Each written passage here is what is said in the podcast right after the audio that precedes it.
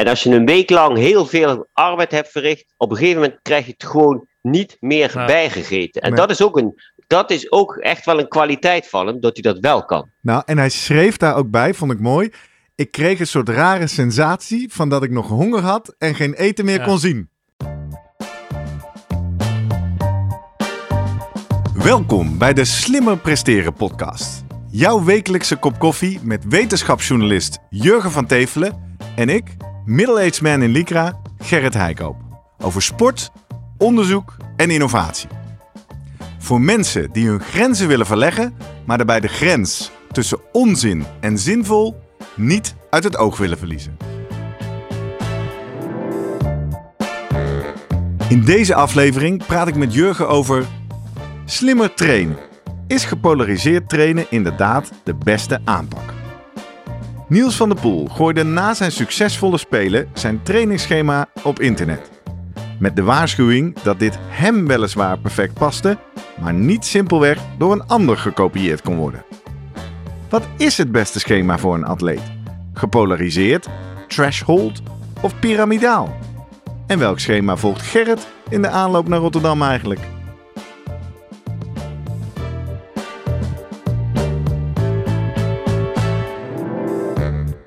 Voordat we beginnen, nog even drie dingen om aan te denken als jij zelf ook slimmer wil presteren. Nummer 1. Druk nu gelijk even op abonneren, zodat je altijd direct in de gaten hebt wanneer er een nieuwe aflevering online komt. Nummer 2. Weet dat je Jurgen en mij ook kunt boeken voor jouw volgende bijeenkomst als spreker of presentator. Neem gerust eens contact met ons op via de contactgegevens hieronder. En 3. Deze podcast wordt geproduceerd en gesponsord door Live Online Events. Serieus goede content rondom jouw congres of event. Check www.loe.tv voor meer info. Jurgen! Hey Gerrit, Goedemorgen. goedemorgen. Het is op het moment dat mensen dit luisteren of kunnen luisteren, vrijdagochtend 11 maart. En dat is exact één maand De nadat maand, wij eh, hier samen op de bank naar de Olympische Spelen zaten te kijken tijdens onze live uitzending van de Slim Presteren podcast. Dan zagen we iets bijzonders, hè? Een wereldrecord, hè? Een wereldrecord. En eh, nog geen 24 uur later bleek niet een toevallig wereldrecord. Nee. Het was een wereldrecord met een plan. Ja, en dat was wel, we hadden het er al over. Ik was al een beetje verbaasd over wat ik had gelezen, hè, over dat hij alleen maar op eh, rondjes 30 eh, eh, rond trainde. Eigenlijk niks anders deed. Nou ja, gelukkig heeft Niels van der Poel ook eh, geluisterd. Gedacht van ja, nee, eh, zo simpel was het niet van Tevelen. Ik eh, ga het dus netjes opschrijven voor jullie, eh, voor alle, alle volgers en alle mensen die, eh, die thuis zaten. Hoe doet, hoe doet deze man dit allemaal? Ja, En hij heeft inderdaad het mooie, ja, de, de Bijbel eigenlijk opgeschreven. How to skate a 10K. ja zijn Bijbel. We, hebben Ja. het, we hadden het dus inderdaad over de Olympische Spelen, over de 10 kilometer schaatsen. En Niels van der Poel uit Zweden, die daar goud won met een wereldrecord. En zijn hele... Ja, zijn hele doopseel eigenlijk gepubliceerd heeft. Hè? Het is een, een document van 62 pagina's. PDFje gewoon in Word ge- opgetypt. De helft daarvan ongeveer is eh, letterlijk zijn trainingslogboek van de afgelopen 2,5 jaar. Ja. En in de eerste helft beschrijft hij zijn visie, eh, zijn aanpak, maar ook letterlijk hoe hij dat doet eh, op alles. Ik, Ja, ik, de hoofdstukjes lees een beetje als de afleveringen van de Slimme Presteren Ja. podcast. Gewoon wattages doen we niet moeilijk over. dus dat, ja, dat is wel te prijzen dat het super transparant is. Ja, En dat hij ook inderdaad, dat het niet zo alleen is van nou, eh, ik, ik zet het hier neer en eh, de, de uitleg erbij, ja, daar moet je zelf maar achter komen. Nee, dat Nee, hij ook netjes en ook, nou, ook de plussen en de minnen en, en wel duidelijk continu. Let op, dit is mijn schema ja inderdaad. dit past mij. Eh, ik heb ook nagedacht of dit anders zou moeten. Nee, ik kwam erachter dat voor mij dit het beste werkte. Ja. Maar eh, ja, ik, ik heb wel met verbazing dit gelezen aan de hand van eigenlijk de wetenschappelijke literatuur die ik, waar ik dan meer van op de hoogte maar ben. ik moest nog wel kniffelen. Je hebt nog tijdens die live-uitzending hier de quote eh, laten ontvallen. Nou, als hij gepolariseerd getraind had, zou die nog beter zijn. Ja, Eh, dat, nou ja, als je wint heb je gelijk natuurlijk. Maar daar gaan we het vandaag over hebben. Ja. Gepolariseerd trainen.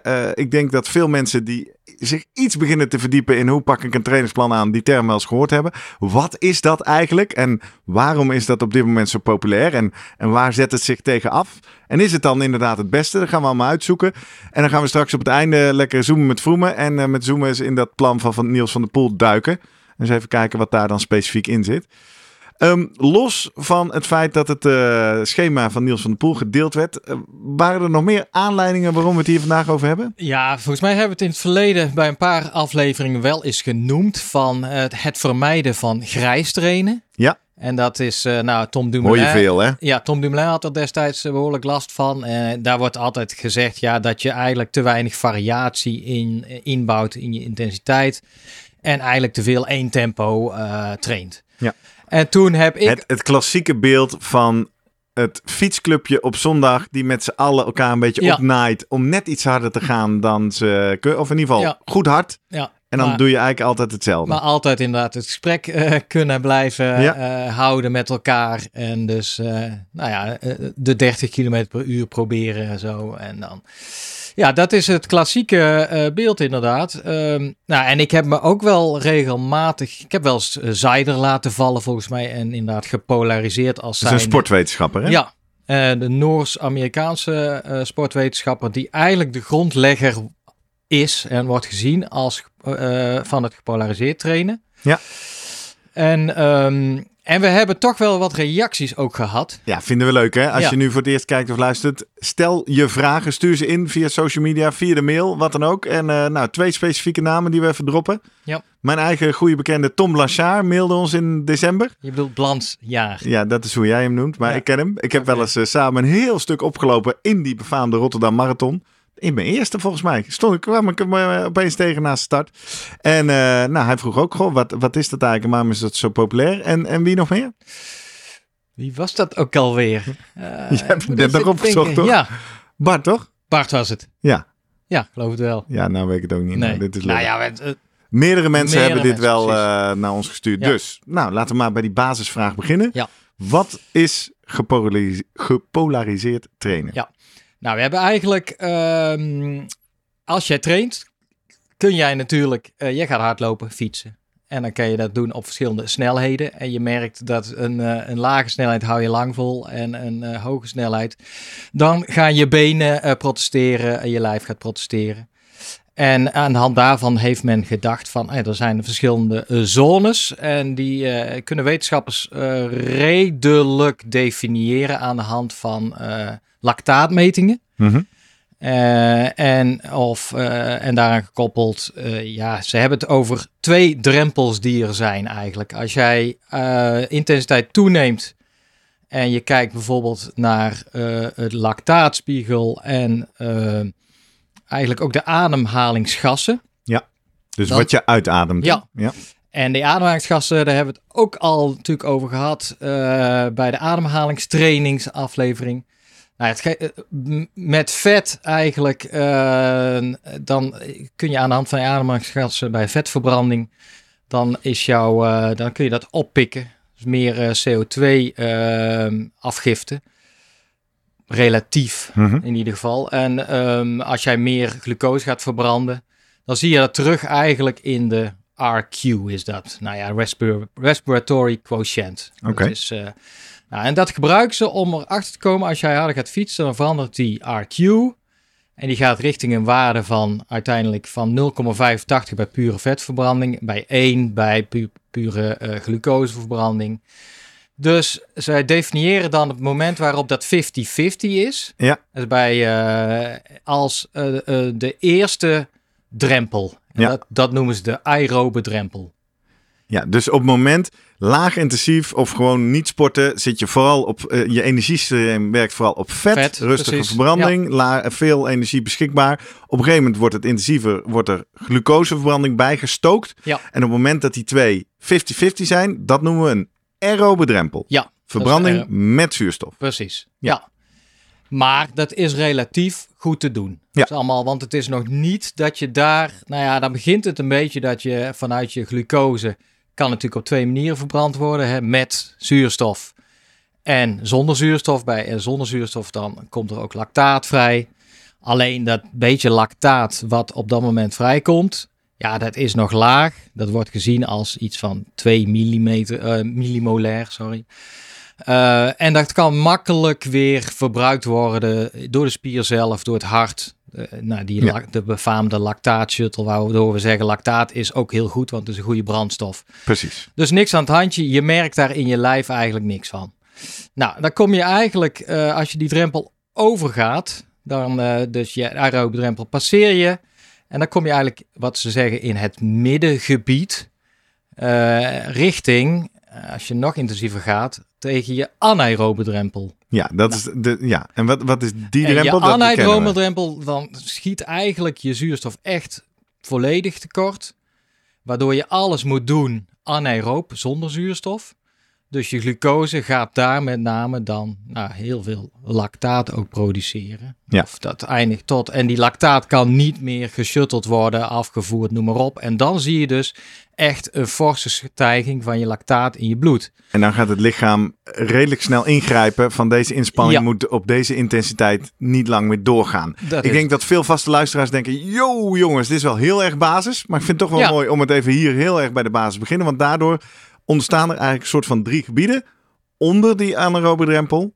Tussen die, of eh, onder die aerobe drempel, dat moet je goed Ja. zeggen. hè. En dan tussen die aerobe drempel en de anaerobe drempel. Dus daar is een mengeling van energiesystemen aan de gang. Maar dat gaat allemaal nog behoorlijk in balans. Ja. je goed lang volhouden. Ja. En dan die, boven die anaerobe drempel. En daar komen we in dat gebied waar, het, waar je het maar heel even kan volhouden. Ja, en dat eh, is het hoogintensieve gebied. Sprinten. En, eh, ja. Dat soort dingen. Ja. En inderdaad, eigenlijk, eh, ja, voor de kijkers, die zien misschien een plaatje nu op verschijnen van hoe dat gaat. Het is een exponentiële toename van je lactaat. Ja. Die blijft lange tijd laag en eigenlijk zie je hem echt omhoog gaan richting, nou ja, bij, die, bij de overschrijden van de Ernero-drempel, dan gaat hij echt giga omhoog. En ja, dat gaat gepaard dus eigenlijk met dat eh, gevoel van eh, zware vermoeidheid. Eh, niks meer kunnen, protesterende benen, protesterend lijf. En Ja. dat, dat is boven die anaerobe drempel.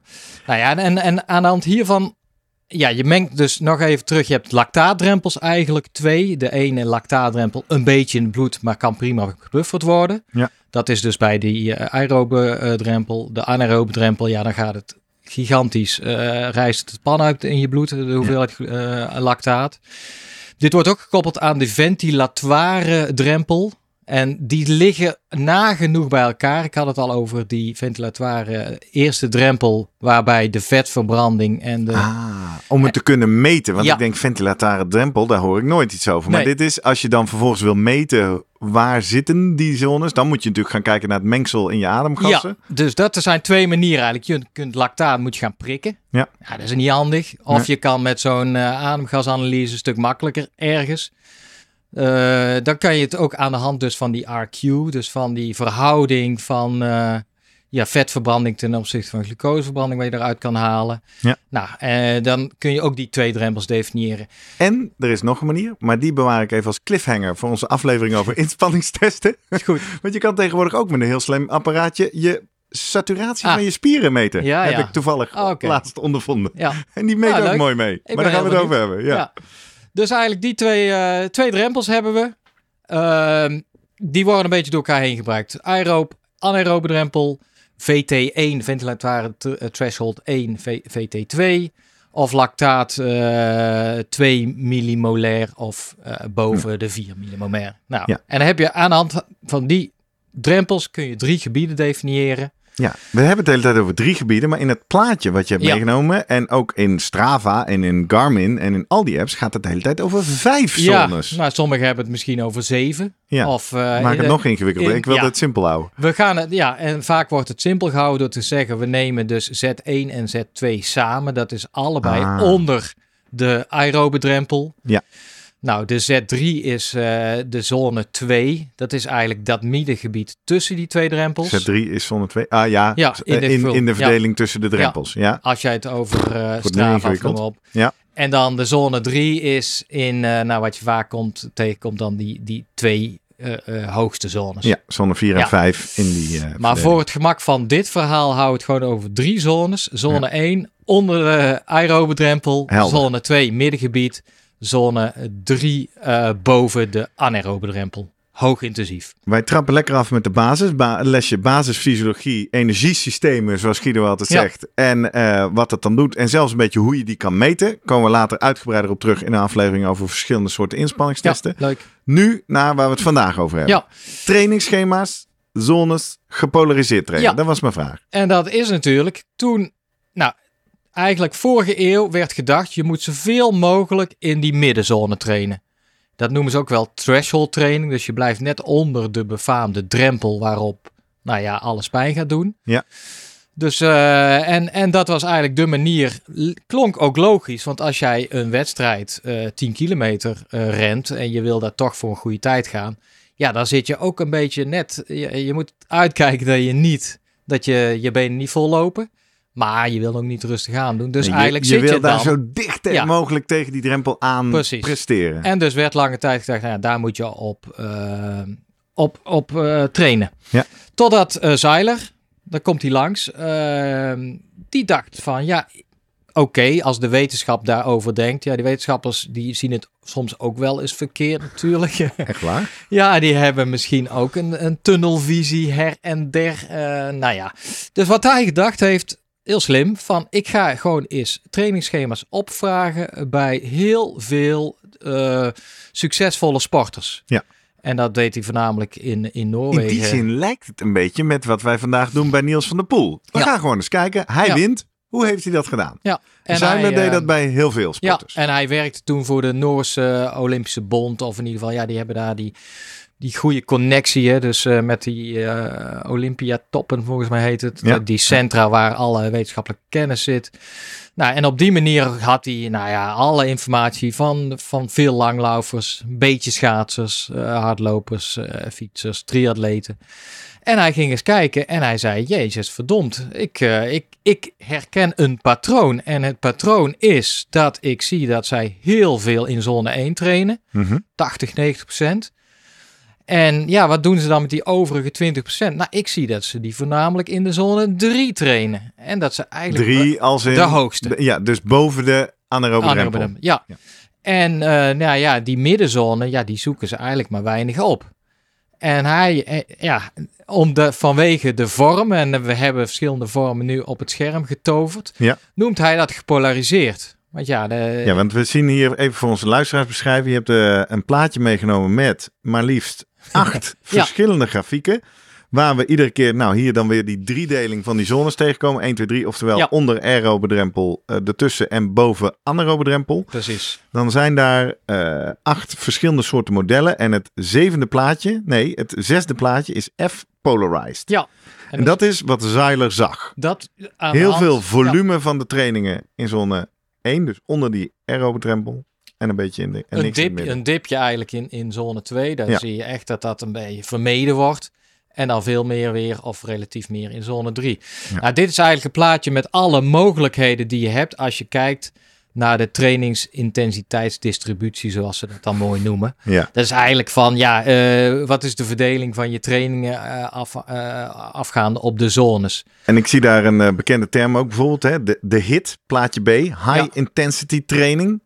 Eh, normaal is het met een dubbel I ook nog wel eens, Ja. hè? High Intensity Dus intervaltraining. Ja. Waarin je dus zegt, we doen heel veel volume Ja. boven die anaerobe drempel. Hit is eh, behoorlijk hot. Als, HIT is hot. Ja, als snelle manier Net om, eh, om beter te worden. Ehm, in de intro las ik ook over piramidaal. Ja. Dat was een nieuwe voor mij. Wat is dat? Nou, piramidaal is, eh, ja, de- ik dacht ook van, nou, een piramide heeft toch twee flanken. In dit geval gaat het om de, de rechterflank van de piramide.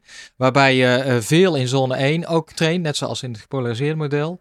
Maar eigenlijk, eh, ja, de, je, de tweede zone ook zeker niet vermijdt. Maar daar juist ook heel veel trainingen in doet. En zone 3 eigenlijk het minste. Bijna niet. Ja, En dan heb je zowel van dat gepolariseerde als van die piramide de inverse. Je kan hem ook omdraaien. Dat je zegt, Ja. nou, ik doe juist wel heel veel intensief.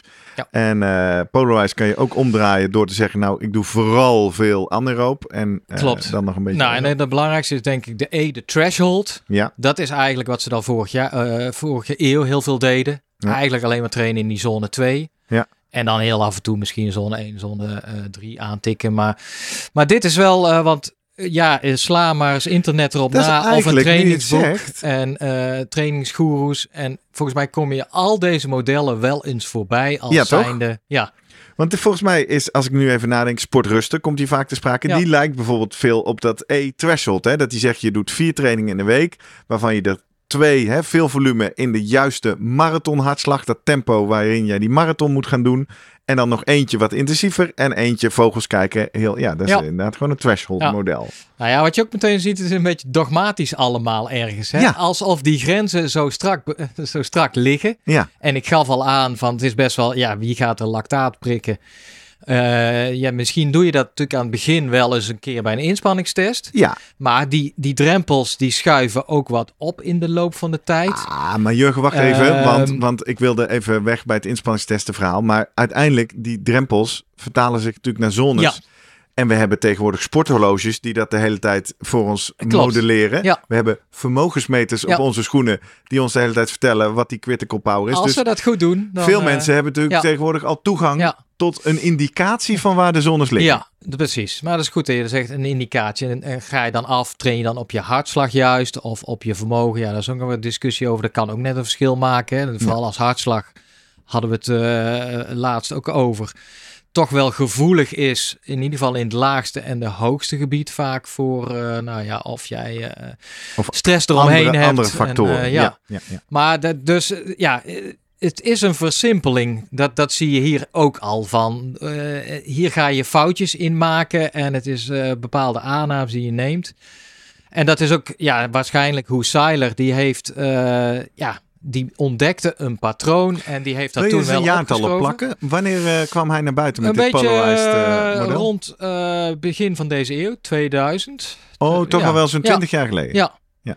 En nou ja, en dan is het leuke van, dan gaat natuurlijk, inmiddels heeft hij, ja, volgens mij allerlei groepen, ik noemde ze al, langlaufers, wielrenners, hardlopers, triatleten, allemaal nog vervolgd om te kijken, past jouw schema ook in mijn eh, ja, idee van gepolariseerd trainen? Ja, en maar hij heeft natuurlijk wel in zijn achterhoofd, hij kijkt daar al met een bepaalde blik naar. En dat is ook een beetje de kritiek. Nou, dat was eh, laatst. eh, Is er kritiek? ja, Want, eh, zeker, Er, wordt, er was- er wordt veel over Ja. gejuicht. Ja, laatst een wetenschappelijke discussie. Hoe dat dan gaat. Dus niet eh, dat ze in de boxring twee groepen tegen elkaar gaan staan. Nee, dat gaat dan netjes in een journal, in een tijdschrift. Waarbij Zeiler en een aantal van zijn compagnons, die mogen het verhaal schrijven. Ehm, gepolariseerd training is de optimale training voor duursporters. Ja. En dan mag een andere groep eh, daar eh, op reageren of hun verhaal schetsen van gepolariseerd trainen is niet optimaal voor duursporters. Nou, en dan mogen zij ook nog op elkaar reageren. hey, want een maand geleden zat jij hier op de bank in Kamp Zeiler, toch? Jij was Ja, hier. eh, ik jij zegt, altijd "Och, Kamp Zeiler." Van Ik- de Poel, ja. hoe kun je dat nou doen? Je Ja. moet gepolariseerd trainen. Over en, eh, dogmatisch nou ja, gesproken. nu, nu een maand later kijk ik daar toch wel even anders naar. Vertel, waarom? Wat, Nou wat zijn belangrijke kritiekpunten en wat zijn belangrijke pro's? Ja, nou, er is een belangrijkste kritiekpunt is sowieso van als jij interviews doet met ehm, succesvolle topsporters, ja, ehm, zij noemen dat de survivor bias. Ja. Er zijn waarschijnlijk heel veel topsporters die ook het gepolariseerd hebben getraind en geen medailles hebben gewonnen of geblesseerd zijn afgehaakt of nou ja, you name it. Ja. Die pik je niet mee hè, met zo'n simpele analyse. Eh, ten tweede is er, er zijn ook wel wat studies gedaan. Eh, nou, een stuk of vijf, zes in, in wat recreatieve sporters. En dan blijkt het gewoon al heel moeilijk om dat onderscheid te maken precies tussen wat is zone 2 en wat is zone 3. Of wat is zone 2, zone 1.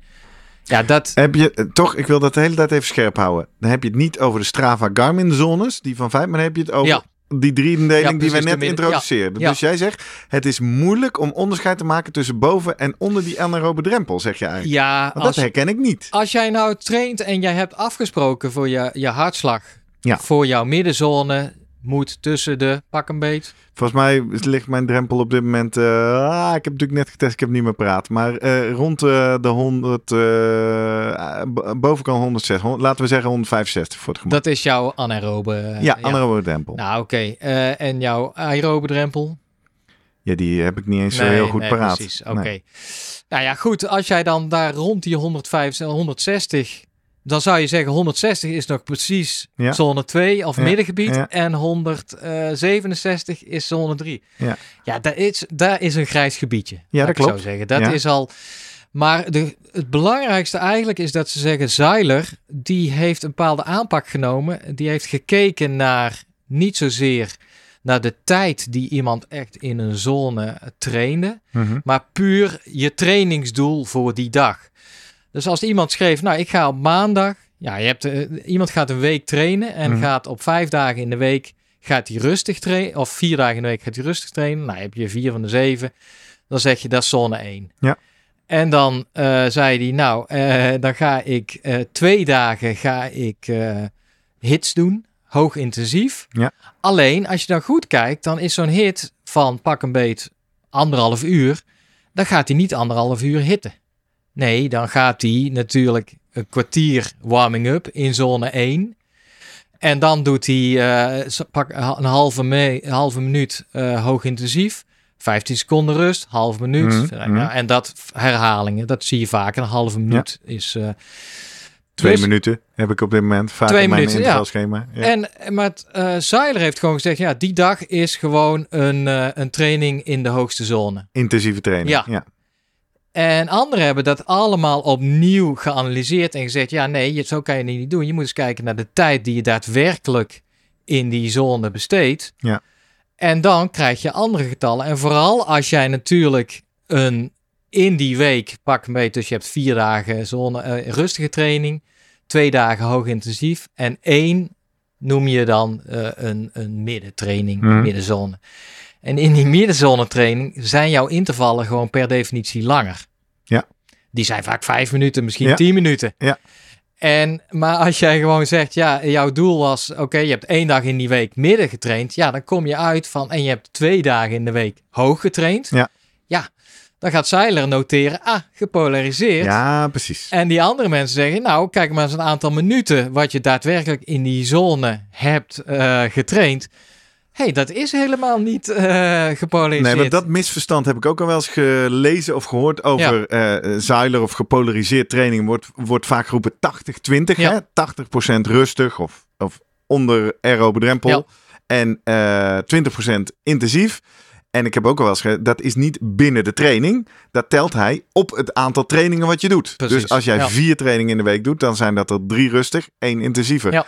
En inderdaad, hij kijkt niet binnen de training Nee. wat dat dan is. Nee. Dus dat is al een goed ding om te begrijpen En in zijn model. Ja, en daarbij is eigenlijk eh, de, een, een analyse van op deze manier, plus het feit dat Seiler nogal wat eh, atleten, ja, die ook hun trainingsschema publiceren, daar niks mee doet. Of eh, Die niet, liet hij buiten past beschouwing. niet in mijn Ja, plaatje. ja, ja. Ja, hebben eigenlijk die, die tegengroep heeft gewoon de, de data opnieuw op een rij gezet en gezegd van ja, eh, het lijkt er veel meer op dat elite sporters, topsporters, succesvol eh, piramidaal trainen. Ah. En, en, en Kijk ik even terug naar het dus plaatje. Dus, wel 80% noem het eh, in de, in de laagste zone. ja, Maar de overige 20% pak een beet eh 15% in zone 2. Ja, ja, en dan ja, ja. 5% in de hoogste zone. Ja, ja, ja. En zij maken ook het, eh, het punt daarbij. Ja, het is ook wel heel raar dat jij, als jij een wedstrijd hebt op drempelniveau, eigenlijk, in je, ja, tegen je drempel aan, dat, Dat je dat dat nooit zou trainen. Nee. En, en nou ja, met, met die, ehm, ja, eigenlijk. Hey, en deze eh, wetenschappelijke fitty in dit Ja. journal, welk journal eh, doet dat? eh, medicine and Science in, in Sports and Exercise. Leuk. Wanneer, Ja. wanneer speelt dit? D- dit is vorige maand uh, Dit uitgekomen. is super actueel. Ja, Ja, ja, ja, ja. ja. Dus, dus, dus, ah. Dus na begin, ja, nu is het maart. Ja, maar goed, anyway, Begin van het jaar, ja. ja, nee, super actueel. En ik denk ook wel een beetje, ja, die, die tegengroep is ook wel een beetje, beetje boos. Of ja, eh, zoals dat kan, hè. Je, je leest daar wel van, Dus dat ze een beetje klaar zijn met dat gepolariseerde wat steeds gehyped wordt. En vooral omdat dat... eh, ik denk niet dat ze het Seiler heel erg kwalijk nemen, maar wel het feit dat hij op de een of andere manier de media hem weet te vinden. Ja. Inclusief de podcastmakers van de Slimmer Presteren podcast. Ja, want leg nog eens uit. Totdat deze kritiek kwam. En Ja. dit ge- waarom was het dan zo'n hype?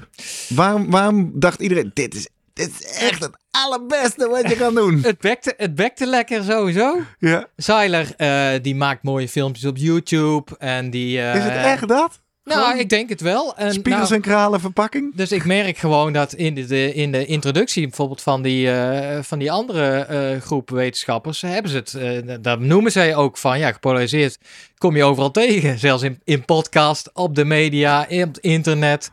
Ja, eh, sla een, een boekje eh, of een, een tijdschrift over hardlopen open en eh ja, daar staat het iedereen, weer. Kinderen ja. dus wil het niet lezen. Dus dat is, ik, ik, ik denk dat Seiler wel de. En, en, nou ja, en dan is het het goede van Seiler en zijn compagnons dat, die, dat ze eigenlijk ook terugkrabbelen of zeggen: ja, maar zo hebben we het ook nooit bedoeld Ah, dat is mooi. in, in hun reactie. Kijk, ons ging het erom dat het duidelijk was dat een, een topsporter profiteert van, voorna, van eh, ja, heel Dat, veel hè? rustige dagen Dat.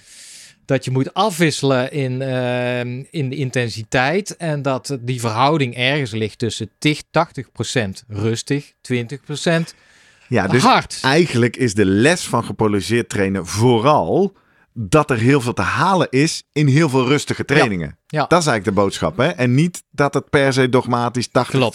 En zij hebben eh, in het begin van hun tijd ook wel eens gewoon die schema's van die toppers naast die van recreatieve eh ja, want dat is, ik heb nog een paar vervolgvragen. Eén, we hebben het over topsporters. Geldt dit één op één ook voor amateurs? Ja, het heeft natuurlijk allemaal met je, je tijdsinvulling te maken. Ehm, kijk, waar zij natuurlijk, waar het allemaal om draait, is voor een, een sporter, hij wil verbeteren. Ja. Dus hij wil prikkels krijgen. Ja. Maar aan de andere kant geen eh, nare bijeffecten van overtraining of blessures. Ja.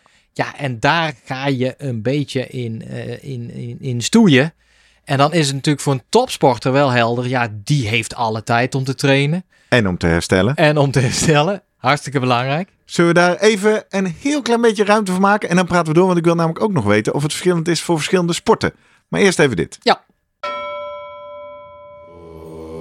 Slimmer presteren gaat natuurlijk ook over slimmer bezig zijn tussen je trainingen door. Oftewel herstel.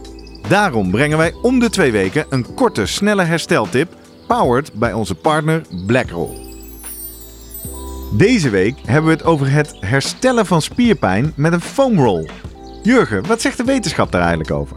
Nou, wist je dat in een Australische studie gevonden werd dat twee keer één minuut foamrollen van de bovenbenen voor minder spierpijn zorgde na een zwaar squatprotocol?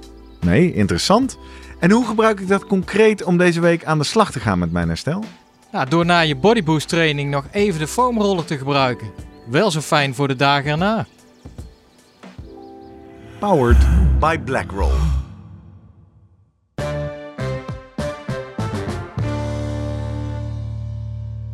Ja, zo, dat is eh, lekker kalmerend, eh, Ja. Jurgen. Maar goed, we hadden het over, is dit gepolariseerd trainen dan ook goed voor recreanten? Zeggen, nou ja, het, het hele spel is natuurlijk zoveel mogelijk trainen met prikkels, Ja. variatie. Nou, en een recreant wil vaak snel resultaat. Dus vandaar dat, dat HIT training ook heel populair is. Want ja, ja eh, er zijn zelfs volgens mij bedrijven High die... intensity intervaltrainingen. Er zijn volgens mij eh bedrijfjes die claimen of zeggen van nou vijf, minuten bij ons per dag of tien in de sportschool doe je snel even wat korte explosieve oefeningen. En inderdaad, als je gewoon kijkt, dan kan zo'n schema van, van zes weken ja, echt wel eh, wat doen. VO2 max omhoog, eh, en andere markers van eh, prestatie. De vraag is alleen, ja, oké, als jij met eh, slecht getrainde dit doet, ja, dan werkt bijna elke, Elke, prikkel, heeft Ja, veel effect. dus- ja. dus het is, ehm, ja, dat is eigenlijk, ehm, nou ja, topsport, ja, daar, daar kan ik eigenlijk te weinig denk ik over zeggen. Dat is zo afhankelijk van... Van de eh, persoon. Ja, en hoe, hoe getraind je al bent, jouw eh, ja, blessuregevoeligheid. Maar de principes, en die Ja. zitten in al deze modellen, is dus variatie. Ja, Hè, dat, is, dat is een Ja. les. En als jij zegt, ik heb altijd threshold gedaan. Nou, dan, zou dan is er veel te halen door nu eens veel rustige Precies. trainingen te gaan Ja. pakken. Andersom, Ja. als jij een, eh, aan het trainen bent voor de 100 meter sprint. Ja. dan is er vast ook wat te halen met een aerobe basis. Maar dan moet je natuurlijk veel in die hoge Ja. intensiteit Ja, en monotonie, dat eh, eentonigheid, eh, wordt ook altijd, in ieder geval, er zijn ook studies gedaan, puur aan, aan te kijken van hoe traint iemand en eh, is er een relatie met risico blessures. Ja, Ja. als jij monotoon traint, ja, dan heb je een verhoogd risico. Eh, en dat is deels mentaal, denk ik ook. Hoe Ja. leuk is het om elke keer precies hetzelfde te doen? Schrijft Ja. eh, Van der Poel veel over hè, in zijn Ja. eh, document. Dat hij zegt, ja, mijn grootste uitdaging in een bepaald deel van zijn trainingen was vooral, kan ik het interessant houden voor mezelf? Ja. Laatste onderwerp. We praten, één na laatste. We praten als sporters, we praten een soort van over alle sporters. Ja.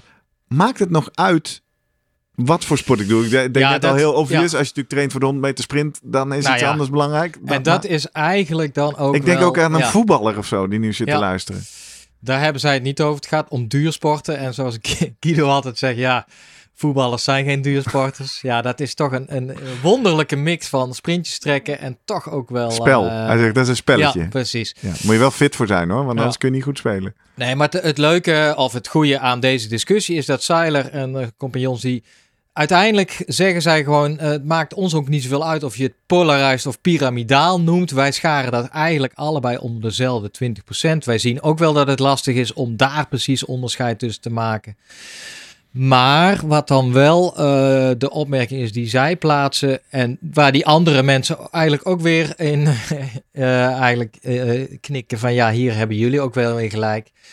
Is dat juist in de laatste ehm, fase van. ehm, dit is vaak de voorbereidingsfase. Hè?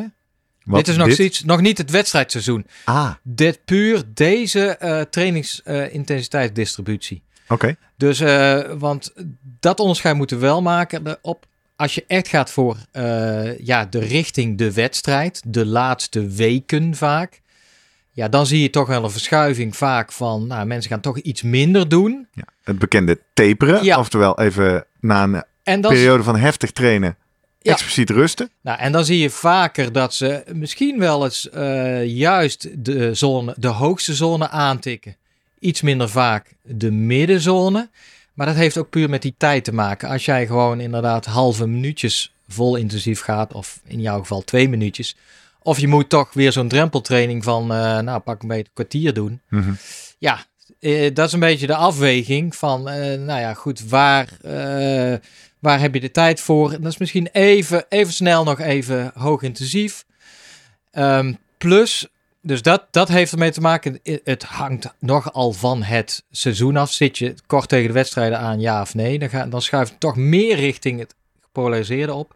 En het andere is Wat bedoel je, schuift het meer richting gepolariseerde op? ja, dat, je, dat ze toch relatief vaker juist wat korte intervalletjes gaan doen.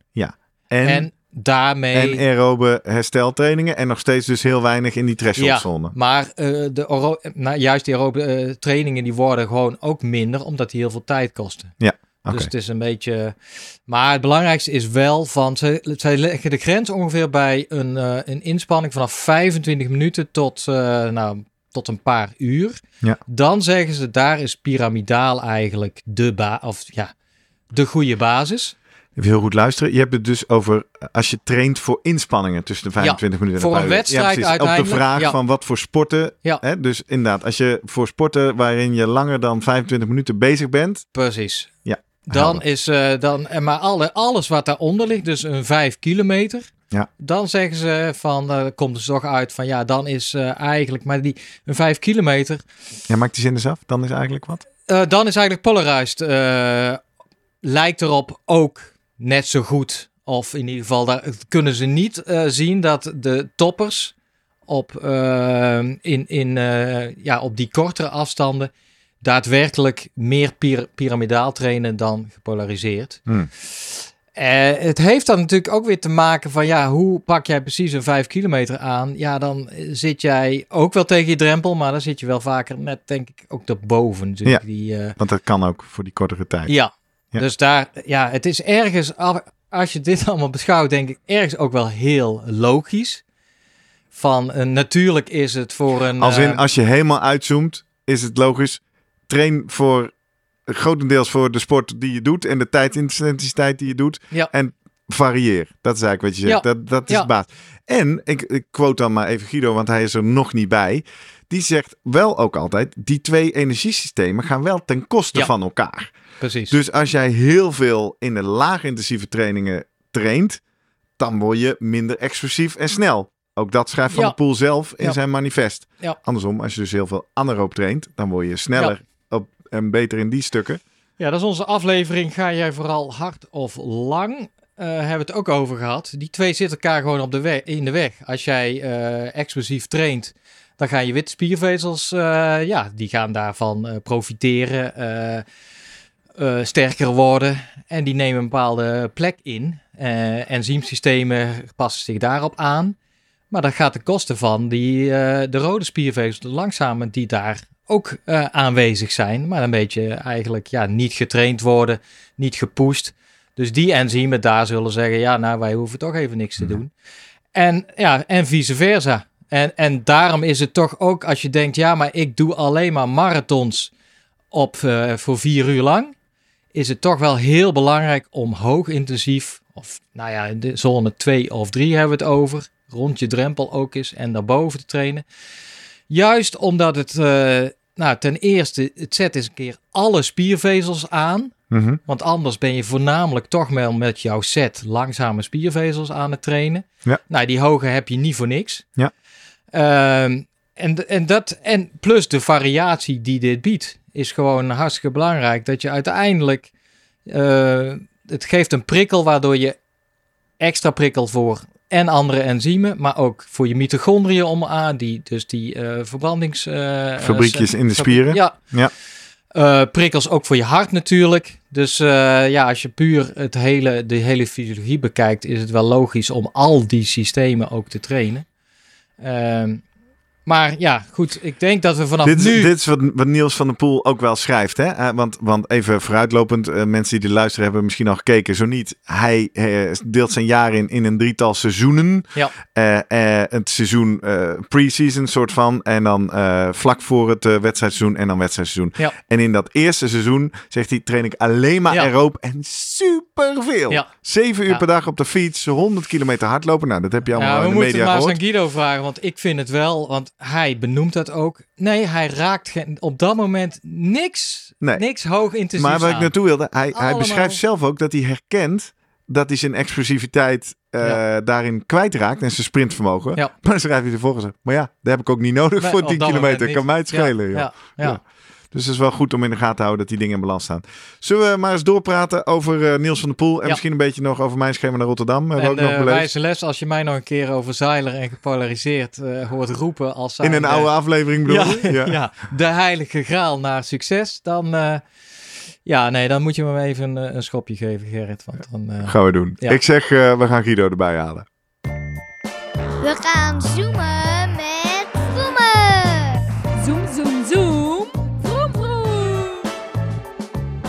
Guido! hey Guido. Goedemorgen. Hey. goed dat je er bent. Precies een maand na dat fameuze wereldrecord hier op de bank. Kan er veel gebeuren in een maand. Hè? In die tijd zaten we nog in de coronatijd. In die tijd was het ook nog vrede. Allemaal raar. In een maand kan de hele wereld op zijn kop. Ja, En wat misschien ook wel op zijn kop moet, is onze ideeën over eh, slimme trainingsmethodes en aanpakken. Eh, dus laten we maar eens even samen in die 62 pagina's tellende PDF duiken. Heb je hem gelezen? How to Skate? ja, ik heb hem natuurlijk wel even eh, gescreend. Ja. Ja. En hoe, keek jij, hoe kijk jij daar aan naar? ja, weet je, het is voor mij leuk om te zien hoe iemand dat aanpakt. Hè. Het is N is 1, daar Ja. begint het al mee. Weet je, dit geldt voor iemand die dus heel veel ehm, aanleg heeft om enorme arbeid te kunnen verrichten. Dat is, dat is duidelijk. Als je, als je zoveel arbeid kunt verrichten, eh, dan kun je ook zo'n schema aan. Ehm, ja, en, en voor hem is dit wel een manier wat gewerkt heeft. En daarbij zeg, is het ook van belang dat ehm, met name het mentale aspect, dat, dat benoemt hij zelf ook, dat hij daar steeds maar weer de focus en, en de motivatie bleef houden hierin. Terwijl, weet je, als ik dit twee weken zou volgen, dan zou ik helemaal al zeggen: van, hou op man, moet ik Ja. morgen weer vijf uur op de fiets gaan zitten? Ja. Echt, waarom? Ja, Ja, want, want dat was opvallend, hè? Toch voor de Ja. mensen die die pagina's niet gelezen hebben, is dat hij eh, drie seizoenen heeft. En in dat eerste seizoen, zijn aerobe seizoen, gaat hij vijf tot zeven uur op de fiets zitten, iedere dag.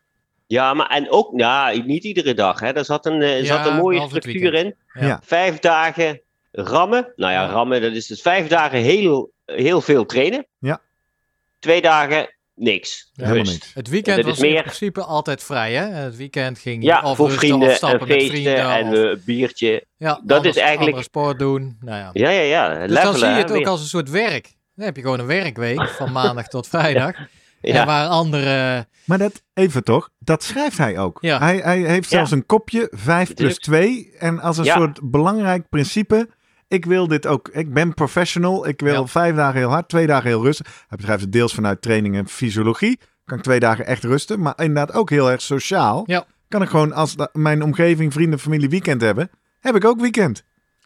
Ja, prima denk ik. Ergens ook wel. Maar Ja. Ja, want Guido, jij zei wat mij opviel, de psychologie van dit schema. Ja, Moordend. weet je, dat- ja, maar niet alleen fietsen in het begin. Hij liep, hij liep ook gewoon heel veel. Ja. Hè, drie uur op een dag lopen, drieënhalf uur op een dag lopen, vier uur op een dag lopen. Achter elkaar. Hè. Als ik jou dat nu voor de marathon in je schema ga zetten, dan denk jij, tering Guido. Ik scheid er mee, ik scheid er mee uit, want dat ga ik niet volhouden, man.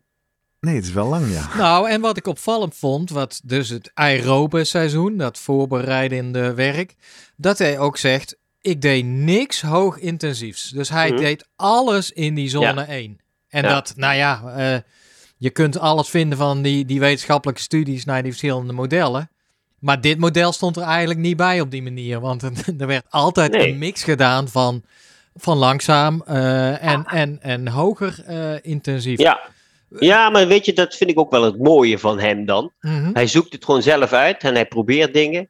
En dat gaat hij gewoon testen. En als, dat hem, als het Ja. voor hem goed werkt, is dat prima. En de heel, want ja, weet je, er zijn al die modellen die geschreven zijn, dat zal hem eh, een worst wezen. Maar voor hem werkt dit prima. En dat vind ik wel mooi, hè? Weet je, dan zoek je gewoon een weg wat, wat voor jou nou, goed werkt, wat past. Maar hoe weet je dat het voor, voor jou werkt? Doen, is- hè? Dan moet je het gewoon doen. Ja, Nou, en ik doe hem nu niet te kort, want nu klinkt het net alsof hij zomaar wat doet. Maar Nee. ik vind Nee, toch ook uit die eerste zomaar. 30 Nee. bladzijden dat hij er erg Ja. goed en beargumenteerd over nadenkt, toch? Ja, ja, ja, maar dat zeg ik ook niet, dat hij Nee, er niet nee. over nadenkt. Maar hij heeft, het, weet je, hij heeft niet een voorbeeld van ik ga Nee, dit zo nee. doen. En zo. Hij moet het gewoon gaan uitvinden of hij dat kan. Ja. En dat heeft hij gewoon gedaan. Ja. Ja, hij weet, denk ik, aerobe training is super belangrijk in, eh, aan het begin Ja. van het seizoen. Maar hij doet dat zo bijna dogmatisch of zo dat hij zegt: Ik doe ook alleen maar aerobe. Ja, dat Ja. is redelijk ouderwets, laat ik het zo zeggen. Ik las twee argumenten waarom hij het deed. Hij zei, ik wil eh, enerzijds een hele grote aerobe basis Ja. hebben, zodat ik straks de intensievere trainingen beter kan uitvoeren. En, schreef hij, ik wil heel goed leren herstellen, zodat ik in Tijdens mijn... hoge inspanning. Precies, dat ik van die hoge inspanningen heel snel weer terug op een basisniveau kom. Even toch bij de sportarts en een toptrainer checken. Dat principe eh, is juist, Guido, onderschrijf je? Dat slaat ergens op? Ja, nou ja, je moet je, je aerobe motor, dat is echt gewoon de drive ehm, voor, voor lange duurprestaties. Ja. Als je dan harder gaat, en je hebt het net over aerobe, anaerobe motor gehad. Die anaerobe motor, die snoept heel snel die glycogeen weg en die trekt die tank leeg. Maar als die aerobe motor heel groot en sterk is, dan komt er ook heel snel weer zuurstof binnen om weer nieuwe energie te maken. Dus hoe groter die inla of die deur is waarmee zuurstof binnenkomt, Ja. hoe sneller je herstelt. Ja, en dan hebben we het eigenlijk deels al tijdens de inspanning volgens mij. Hè? Je een anaerobe tank die, die wordt leger, maar die vul je ook weer aan. Direct. Als jij iets rustiger inderdaad eh, eh, te- te- te- Ja. aan, de, aan, de, aan de slag gaat. Maar je hebt het daarbij ook natuurlijk over herstel na een training. Zodat je Ja, ja. de volgende dag... Maar in zijn stuk schreef hij specifiek over herstel tijdens intensieve Ja. training. Hè? Ja. Dat hij Ja, snel ja, ja. kon herstellen van zo'n inspanning. Ja. Maar dat klopt ook. Weet Ja. je, dus als je intensief gaat, als je keihard gaat sprinten, trek je heel snel iets leeg natuurlijk. Dat doet hij niet. Hij gaat net iets boven zijn anaerobe drempel, net iets in het rood. en in, als je dan maar net ietsjes minder gaat, dan komt het herstel zelfs dan al. Hè. Dan ben je al aan het herstellen. En dat kan die steeds beter daardoor. Dus dat is volgens mij het idee van het kritisch vermogen, toch? Als je daarop zit, dan is net Ja. boven je drempel, waar, eigenlijk net hoger dan de lactaatdrempel. Omdat je eigenlijk in principe net ook een stukje anaeroop bezig bent Ja. wel. Uit die anaeroop tank weghaalt, maar die ook weer laat aanvullen. Ja. En dat je daardoor toch een soort steady state eigenlijk eh, kan bereiken. Ja. Wat Ja. valt jou eh, nog meer op als je die PDF eh screent? Ja, weet je, die twee rustdagen zijn wel mooi. Ja, dat 5 om 2 principe. Ja, gewoon twee dagen helemaal niks. Ja. Ik denk, ik heb nog nooit iemand zo'n. Nou ja, wel als je, als je gewoon vijf dagen maar trainingsmogelijkheden hebt. Als ik iemand heb die zeven dagen per week kan trainen. Dan heb je meestal, weet je wel, ik doe één dag rust. Hij doet het gewoon altijd, nou ja, twee dagen helemaal niks. ja, na elkaar. Niet, Maar ja, niet- er zijn ook hele lange dagen. En, en daar zit dan ook gewoon. Nou ja, waarom kun je zo'n lange dagen maken? Dat is ook natuurlijk omdat het allemaal aeroop is. Hè? De hersteltijd daarvan is veel malen korter dan als ik iemand, nou ja, flink over de, over in het roodjaar en sprints laat doen en korte, anaeroop hoog intensieve voor, eh, intervallen laat doen, dan moet je veel langer van herstellen. Dan kun je dat gewoon niet dagen achter elkaar doen. Dus Precies. dat is natuurlijk ook iets. En daarbij, als je zo lang op een dag aeroop traint, het volgende probleem wat je krijgt, is eet het maar bij. Mhm. Weet je, hij kan dus Schrijft hij ook, hè? heel veel... Ja, dat schrijft hij ook. Heb je gezien wat hij af en toe nog dronk? 7000 kilo per dag. En dan, wat zat Nee, hij? Op ja. slagroom. eh, Slagroom, En chips. drinken. En slagroom. chips. En de hele avond chips schreef hij. Ja. Na het En, avondeten de hele avond chips. echt, eh, als je veel, als je veel traint op een je gaat een weekje op trainingskamp. En, en eh, dat zijn wel meer mensen die dan fietsen of triatleten. En als je een week lang heel veel arbeid hebt verricht, op een gegeven moment krijg je het gewoon niet meer Ja. bijgegeten. En Nee. dat, is ook een, dat is ook echt wel een kwaliteit van hem, dat hij dat wel kan. Nou, en hij schreef daar ook bij, vond ik mooi. Ik kreeg een soort rare sensatie van dat ik nog honger had en geen eten meer Ja. kon zien. Een soort Ja. van allebei tegelijk, hè? Ja. Nou, ja, en ja maar en- een maag-darmkanaal kan Ja. ook niet altijd maar doorgaan. Hè? Nee. Dus in die, in die zin moet hij zijn gut ook trainen. Ja. Hij krijgt last van zijn tanden, verte- vertelt hij ook, of schrijft hij ook. Van, eh, nou, dat had hij eigenlijk eerder al eh, ja, iets mee moeten doen. Want, Ja, hij zei drie keer per dag poetsen is genoeg, maar dat wist Nee. ik nog niet in het Nee, begin van mijn carrière. Ja. Toen waren mijn tanden al kapot. ja, dus, Fascinerend. In die zin leest het ook echt, ik zei het al eerder deze aflevering, als een soort inhoudsopgave van de Slimmer Presteren podcast. Ja. Want ongeveer alle onderwerpen komen aan. Die Ah. twee dagen vallen je op, Guido. Dat schrijft hij ook om twee motieven weer. Dan zegt hij, dan ben ik maandag aan het begin van mijn week weer helemaal fris en belastbaar. En het tweede, dan komen we terug op dat eerste punt wat je zei, psychologie. Hij zei, het gaf me ook de gelegenheid om een sociaal leven op te bouwen. Ja. Om iets naast mijn sport te hebben. Om met mijn vrienden te gaan. Want dat deed hij dan wel als die gingen skiën Ja. of klimmen. Of weet Ging ik veel. Dan ging ik best wel mee. Deed hij wel een beetje rustig aan. Maar eh, ja. Nou, maar het is ja, misschien meteen een, een opstapje naar het volgende seizoen, het threshold seizoen. Waar die, eh, wat ik heel Het interessant tweede stuk van zijn Ja. jaar wat hij beschrijft. Daar kunnen we, waar hij daar zegt van als hij een, bepaalde training dus eh, niet kon volhouden, dan besloot hij, oké, dan ga ik nu een stapje terug doen, twee dagen rust ook weer. En dat vond ik ook wel interessant, dus dat hij daar juist iets had van, ja, als ik het gewoon niet aan kan, dan ben ik onvoldoende hersteld. Dan heb ik herstel nodig, bouw ik ook weer meteen acuut eigenlijk twee hersteldagen in. Dus hij was wel heel bewust van, als je training gewoon niet kan uitvoeren, ja, dan heeft het ook geen zin. Dan, eh, dan moet je herstellen. Die threshold, hè, dat is natuurlijk eh, de volgende stap. Hij gaat eigenlijk van zone 1 naar zone 2. En ook bijna alleen maar, nou ja, heel veel dan naar zone 2. Dat is echt, eh, en, en nogmaals, ja, dat, dat, alsof hij dus, waar we het over gehad hebben, het piramidaal of het gepolariseerd, eigenlijk echt in drie op één volgende fases precies doet. Hij gaat nu, nu naar de middenfase. Ja. En dat doet Ja, hij je- eh, echt ja. ook weer dagelijks eigenlijk. eh, ja, eh, ja voor, voor zes keer een half uur of, of eh, nou misschien acht Ja. keer een kwartier. Allemaal rondom die wedstrijd. Eh, zeg maar, ja, 400, 400 watt is dat bij hem, hè? Dat is eigenlijk gewoon zijn... eh, ja, het zijn, zijn, zijn drempel anaerobe zal een beetje Ja, daar. Hè? Plus soms in het begin wat lager en op een gegeven moment iets hoger. Ja. Ehm, maar dan ja, als je dan. eh, in het begin ook kijkt, als je op 50% van je anaerobe drempel gaat fietsen, dan zit hij nog op 200 watt. Ja. Dus ja, weet je, dan trap je nog stevig door. Ehm, en op een gegeven moment wordt dat 240, 250. Nou, eh, ik moet me niet. Hij was natuurlijk wel 80 kilo.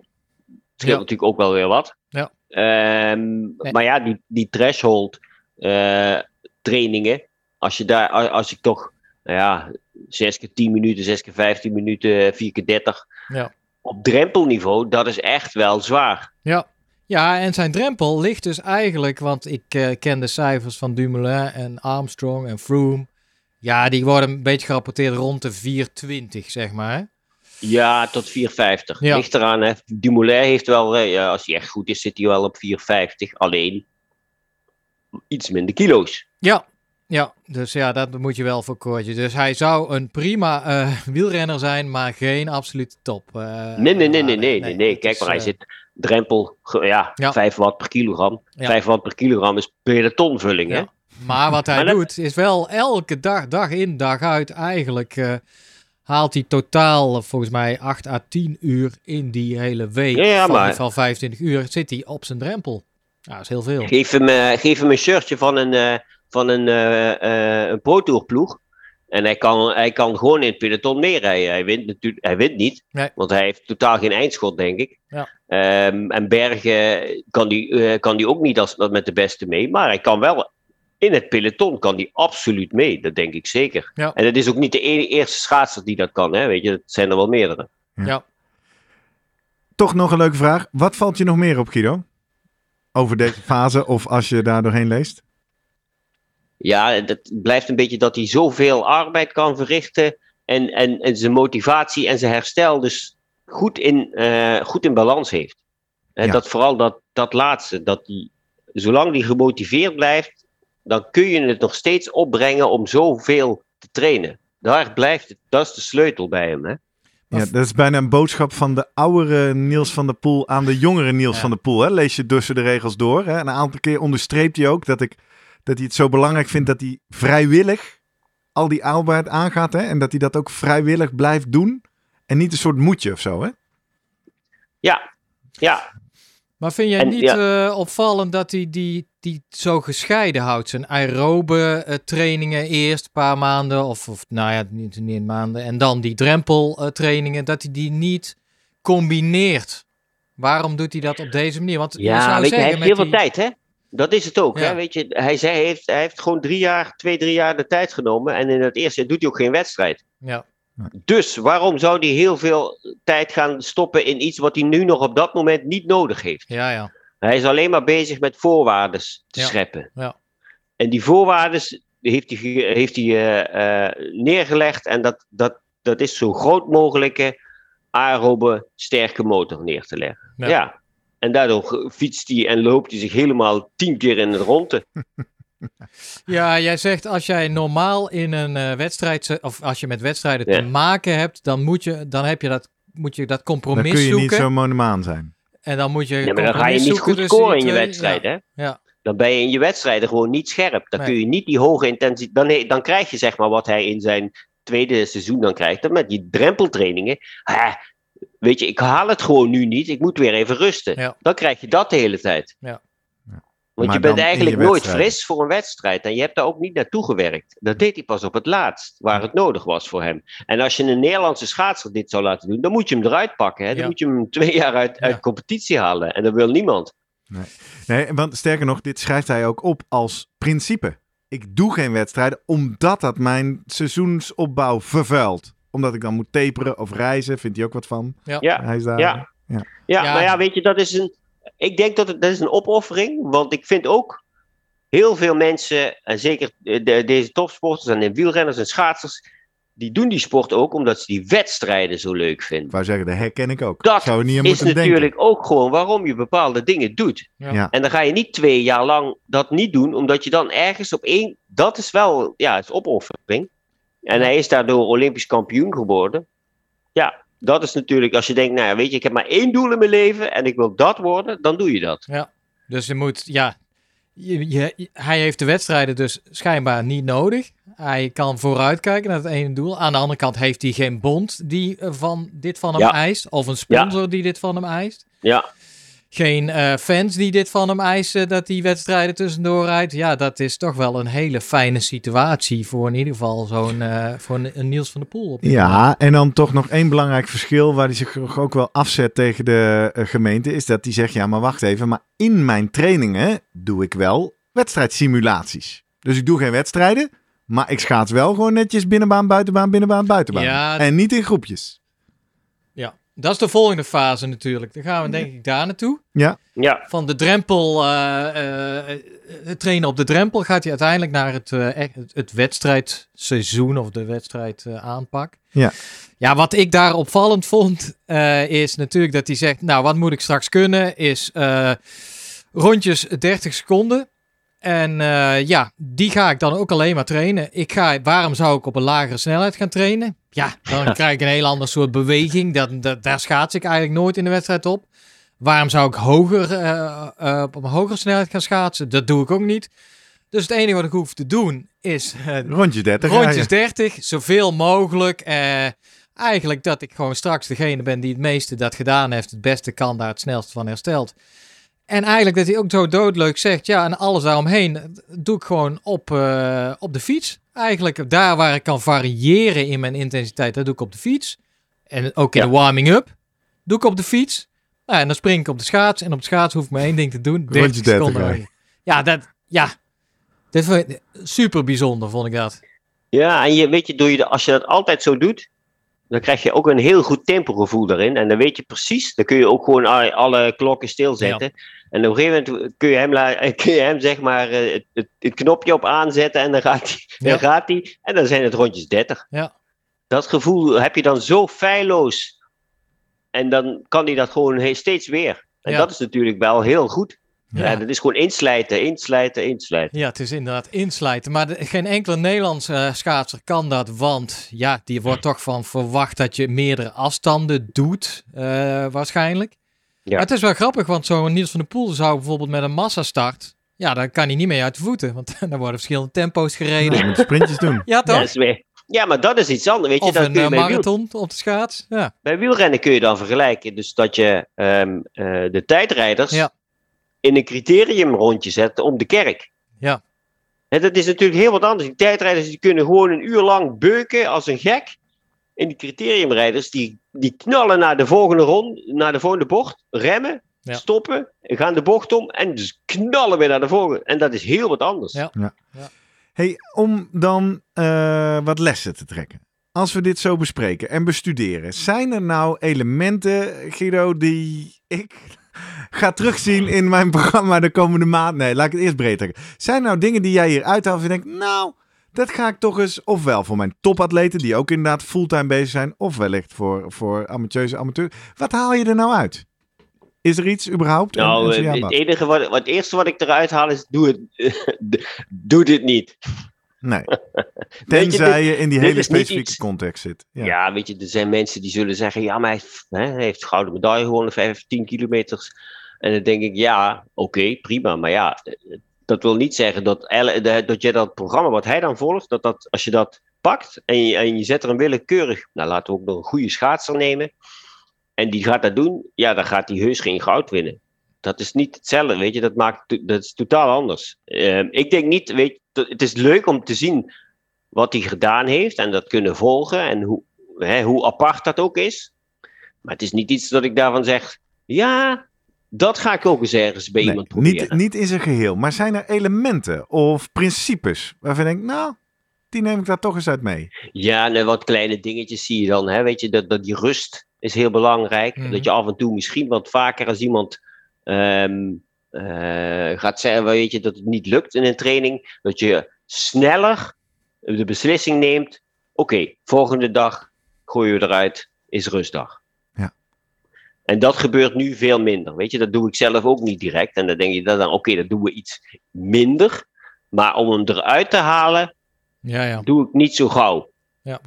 En gewoon helemaal even niks. Heel resoluut, bam, eruit, niks. Dat is bij eh, Van der Poel nog Maar ja, wat, wat is het nadeel? Kijk, hij heeft natuurlijk gewoon zeven dagen in de week, 24 uur, kan die invullen met sport. Ja.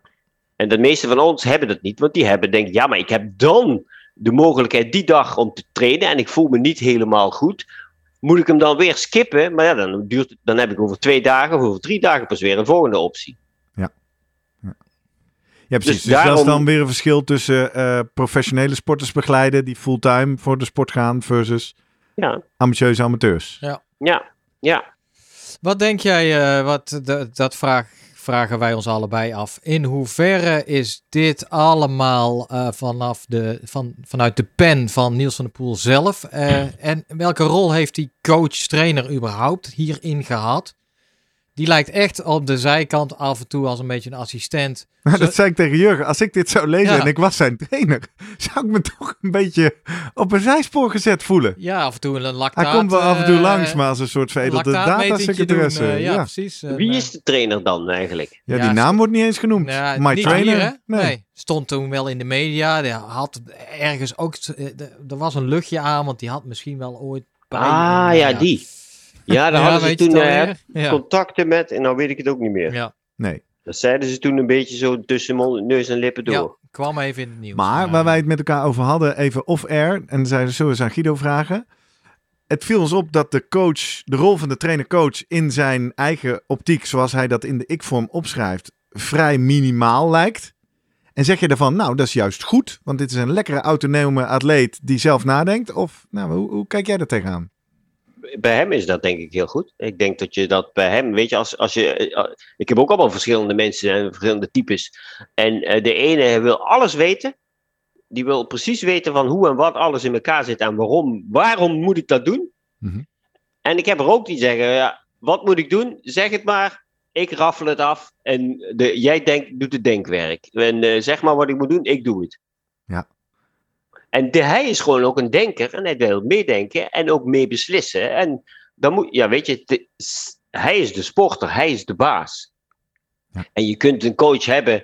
Nou ja, ik vind niet dat een coach de baas moet worden over een, eh, eh, over een atleet. Van, en als de atleet zegt, ja, maar ik wil het zus en zo doen, dan zeg ik, nee, we gaan het, we gaan het zo doen. Hè? Dan krijg je een beetje autoritair, eh, autoritaire coach die dan alles gaat doordrukken. En je moet een beetje eh, tot een compromis komen samen, waarbij je allebei denkt, van, ja, weet je, dit is de juiste weg die we nu be- bewandelen.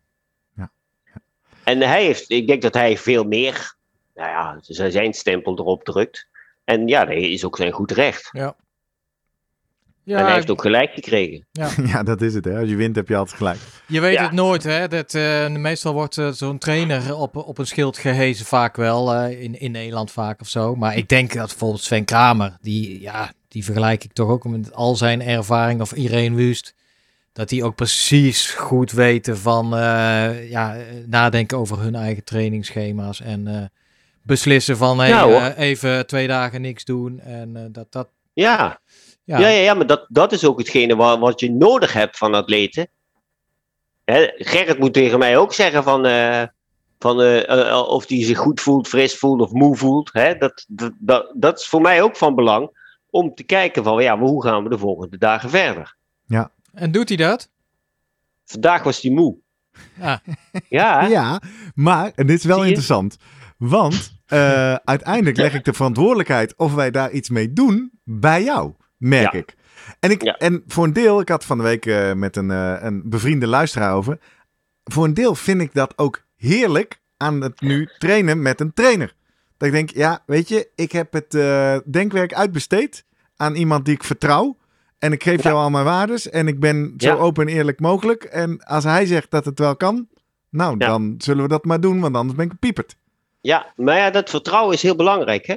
Ja. Dat is echt super belangrijk dat je dat hebt. En idem dito de andere kant op. Ik moet dat vertrouwen ook aan jou geven en, en dat niet schaden. Nee. Hè? Ik moet ook ervoor zorgen dat, dat je mij kunt vertrouwen. Nog En- even, nu we het toch over de, de theoretische modellen hadden. En ik weet, jij bent eh, meer van de praktijk. Kunnen wij eh Gerrits trainingsschema onder een model eh, zetten? Eh, lees polarized of Ja, ja. pyramidaal. eh, Wat doen we? Model, ja, dat model is duidelijk. Is vroemen. Het model Vroom. En hoe ziet het model Vroom qua trainingsintensiteitsdistributie eruit?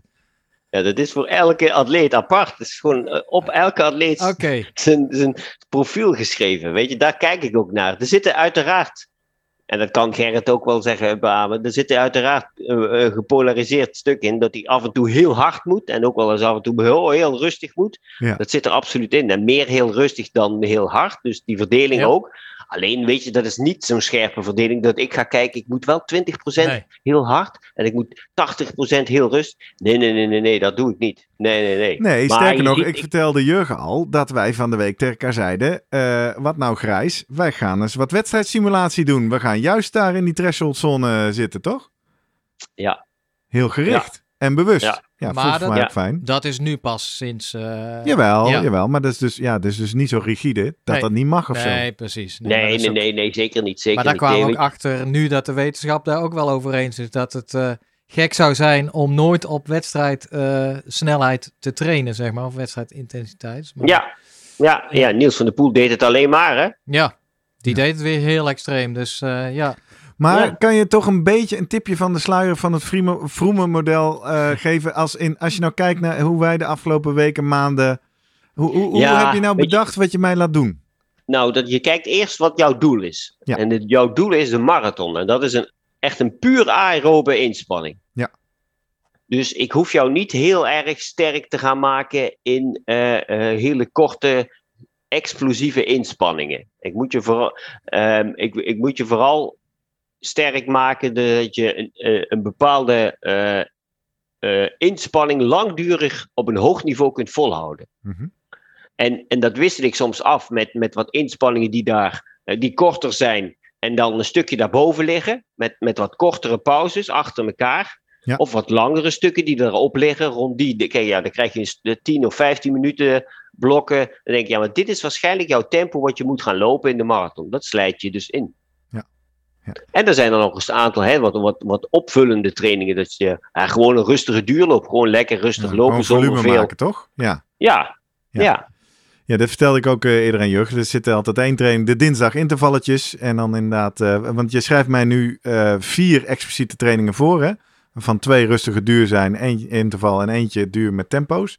Ja. En dan hebben wij altijd staan op de rustdagen rust of MTB.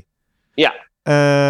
Ik heb dat geïnterpreteerd als, nou, als het lukt, dat is mooi. Andere beweging, andere belasting en gewoon aerob volume bijsteken. Is dat ook Ja. het motief? Of? Ja, ja, ja. Je weet je, en dan is de, de- dan ga, ga ik, weet je, dan kijk ik wel eh, hoe dat loopt. Want je hoeft niet per se elke keer te denken van, ja, oh, ik hoef geen rust, ik ga maar toch maar weer MTB'en. Mhm. Ehm, want je kunt ook gewoon wel, je hebt soms ook wel eens gewoon rust nodig. En dat doe je natuurlijk, dat doe je ook. Ja. Ehm, maar zo, wij zo'n ritje op de MTB, zeker bij jou in de omgeving, ja, dat is, dat is ook gewoon heerlijk en prima. En dan kun je soms even, moet je een heuveltje op, heuveltje af. Is het wat intensiever. Maar in het algemeen is het natuurlijk een andere belasting voor je lichaam. Geen schokbelasting, maar wel hart-longsysteem gewoon aan het werk zetten.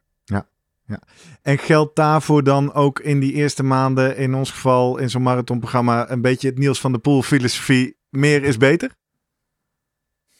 Eh, Hè? Nou. zonder, zonder de, de herstel Nee, of de vermoeidheid te diep te steken. Maar nee, precies, want dan had je zes uur op de mountainbike moeten Ja, zitten ja, voor mij. ja, hè. ja, ja. Dat stond er volgens mij niet. nee, nooit. Nee. Maar noteert hij, dat noteer je dan wel of je wel of niet gemountainbiked hebt? zeker, Ah, zeker, oké, zeker, zeker. dus daar Alles wordt genoteerd. Ja. Ik was de laatste keer per ongeluk echt oprecht hoor, mijn, eh mijn strijdje vergeten Ja, van de schoenen Ah. te wisselen. Toen zei ik nog, nou maakt toch niet uit, het is toch herstelloopje? Nee, nee, nee. Ja, nee. We Nee, moeten nee, de nee, data nee, nee. compleet hebben. Hè? Ja. Ja. En alles gaat in principe eh, de zones, zeg maar. Ja, de, zo- nee, gewoon de intensiteiten op vermogen, hè? Ja. Vanuit de stride, dus niet zozeer op hartslag. Die neem je wel mee, maar. eh, Ja, ja, ja. ja, je Want stuurt hem nu... eh, als hij hard moet trainen, eh, harde twee minuutjes, dan is in principe kijkt hij naar het vermogen wat daarbij hoort. eh, ja. Ja, ja, ja. We hebben nu zeg maar, dat, daar stuur ik de training op. Die hartslag heeft hij ook altijd erbij. Ja. En door nu een koppeling te maken ook met HRV, hè, Heart Rate Ja. Variability, heb ik een andere eh, programma waar ook alle data in komen. Dus daar heb ik eigenlijk de Training Peaks en de- mijn WKO5. Die gebruik ik voor prestatieanalyse. Ja. En de HRV voor training, die andere, die gebruik ik voor rust-herstelanalyse. En zo kun je precies een beetje ook in de gaten houden van als ik meer training load, meer laat Mhm. trainen, blijft zijn herstel dan goed of ga ik te, te diep? Ja. Ja, maar dat is wel interessant, want wij hebben natuurlijk al, is dat een half jaar geleden, over die HRV gehad. Ja. Dat het Komt wel, vaak terug. ja, dat het mogelijk moet zijn om uiteindelijk die, die training inderdaad te optimaliseren, laat ik het zo zeggen, op eh, de bijbehorende HRV, of in ieder geval de readiness van het, eh, van het lichaam.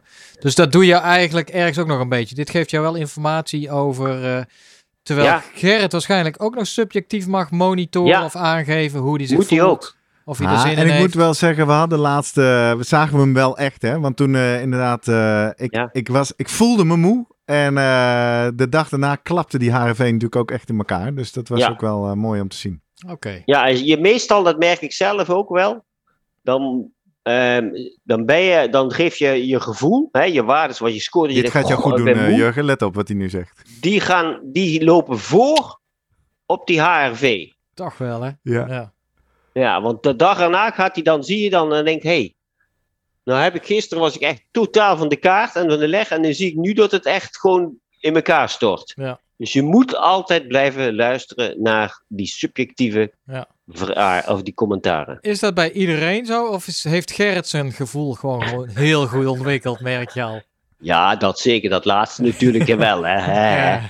Maar ik, ga, ik denk dat ehm, als je eerlijk bent en die vragen ook gewoon eerlijk en oprecht Ja. steeds beantwoordt en niet dus beantwoordt en, en denkt van wat wil de coach Ja, horen. ja. Als je dat bent, denk ik dat dat bij iedereen wel zo werkt. Oké. Ja, mooi. Ja. Interessant. Interessant inkijkje in de trainingsleer. Eh, wij hebben een doel. We zijn op weg naar Rotterdam. Dat is, eh, nou, het is 11 maart. Dus het is nog een maand. eh, over een maand. Een maand te gaan. Wanneer gaan we eigenlijk taperen, Guido? Of blijven we vol gas eh, doortrainen? Ja, je hebt het van de poolschema gezien. Dus die laatste week voor Rotterdam moet je alleen nog maar fietsen elke dag zes uur. Twee, En dagen voor, Rotter- twee dagen voor Rotterdam niks doen en Nee. dan knallen. Ja, precies. Nou, Hey, maar ik wilde zeggen, eh, inmiddels Oh. heb ik best wel wat vrienden waar ik naar moet gaan zwaaien in Rotterdam. Want in onze Slimmer Presteren podcast Strava Club, exclusief toe- toegankelijk voor vrienden van de show. Dus elke luisteraar die dit hoort en dat nog niet is, ga naar vriendvandeshow.nl slash slimmerpodcast. Dan kom je in die eh, Strava Club en daar kun je ook je aanmelden voor het event, de Rotterdam Marathon. En ik zag dat al meer dan tien vrienden ook in Rotterdam gaan lopen. Dus eh, ik zou zeggen, als je het nog niet gedaan hebt, bestel gauw zo'n eh, slimmer presteren podcast hardloopshirt. We gaan met z'n allen als witte brigade door Rotterdam. Lekker zwaaien naar elkaar. Dus eh, dat lijkt me leuk. En eh, als je zegt, nou, zo'n marathon, dat is mij iets te veel van het goede. Dan kun je natuurlijk ook meekomen doen op 21 mei, hè? Jurgen, wat is er 21 mei? het event denk ik, hè? Het event, hè? Het Ja. event van het jaar. Ter gelegenheid, De honderdste. honderdste slimmer De presteren dag van het uur. De dag van het uur, hoe je het wil noemen. Het wordt een hartstikke leuke ochtend. Zaterdagochtend hier in Leersum gaan we elkaar ontmoeten. Broodje erbij, koffie erbij. Hebben we een live opname. Guido is er ook. Jurgen is er ook. Ik ben er ook. En heel veel vrienden van de show. Maar wel maximaal 100. Dus ik zou op tijd je ticket veilig stellen. Kan via de webshop. En dan eh, gaan we daarna lekker met z'n allen het bos in. Ofwel hardlopen, ofwel fietsen. Dus, Of, eh, eh, ja. Mountainbiken. Mountainbiken, ja, moeten we misschien nog onderscheid tussen maken als niet iedereen dat heeft. Dus dat wordt Oh ja. hartstikke leuk. Eh, meld je aan, wees er op tijd bij. En voor iedereen die eh, het kaartje 101 en verder wil bestellen, daar hebben we ook nog wel een leuke oplossing voor. Ehm dit is hem wel, hè? Ja. How to skate, dat hebben we nou geleerd. How to train, verschillende modellen. ja, en nou, ik ben benieuwd. Eh, dit, ik, ik hoop dat meer atleten dit eh, gaan doen in de toekomst. Ja, laten we hun je schema's delen. Ja, ja. Ja, Als er nou iemand is die luistert en die denkt van, als dit wil ik wel eens gaan volgen, nou laat hij zich melden, dan maak ik het schema wel eh, via Training Peaks beschikbaar. Ah, oké. nou, mooi. Nou, mooi Moet bruggetje. je wel om drie even- jaar de tijd hebben, hè? Ja. En helemaal niks doen. Maar je krijgt er wel een mooi sociaal leven van in het weekend. Ja. Eh, mooi eh, haakje om even nog te laten weten hoe kan je ons dan bereiken. Nou, eh, op een aantal manieren. Via social media zijn wij de @slimmerpodcast op Twitter en Instagram. En Guido Vroemen is de sportarts op Twitter, dus die kan je daar zelf natuurlijk ook vinden. Eh, wij maken van iedere aflevering een post. Die kan je retweeten of op Instagram. Daar kan je daaronder reageren en eh, hartjes uitdelen. Doe dat, want dan eh, ontdekken meer mensen ons natuurlijk. Hè. Dan hebben we meer luisteraars, meer vrienden. Wordt er allemaal veel gezelliger van. Daarnaast hebben we ook een website www.slimmerpodcast.nl. Daar kun je van iedere aflevering een eigen pagina vinden. Ook daar kun je reacties onderlaten. En die pagina, die link, die kan je natuurlijk kopiëren en rond WhatsAppen naar al je vrienden en vriendinnen die ook slimmer willen presteren. Of je kan ons mailen met jouw vragen, met jouw ervaringen of met jouw aanmelding om je als vrijwillige proefpersoon voor het Niels van de Pool schema op te geven via post.slimmerpodcast.nl. Tot zover. Guido, dankjewel. Dank je. Guido. Jurgen, tot volgende week. Tot volgende week. Hoi. Hoi. Hoi.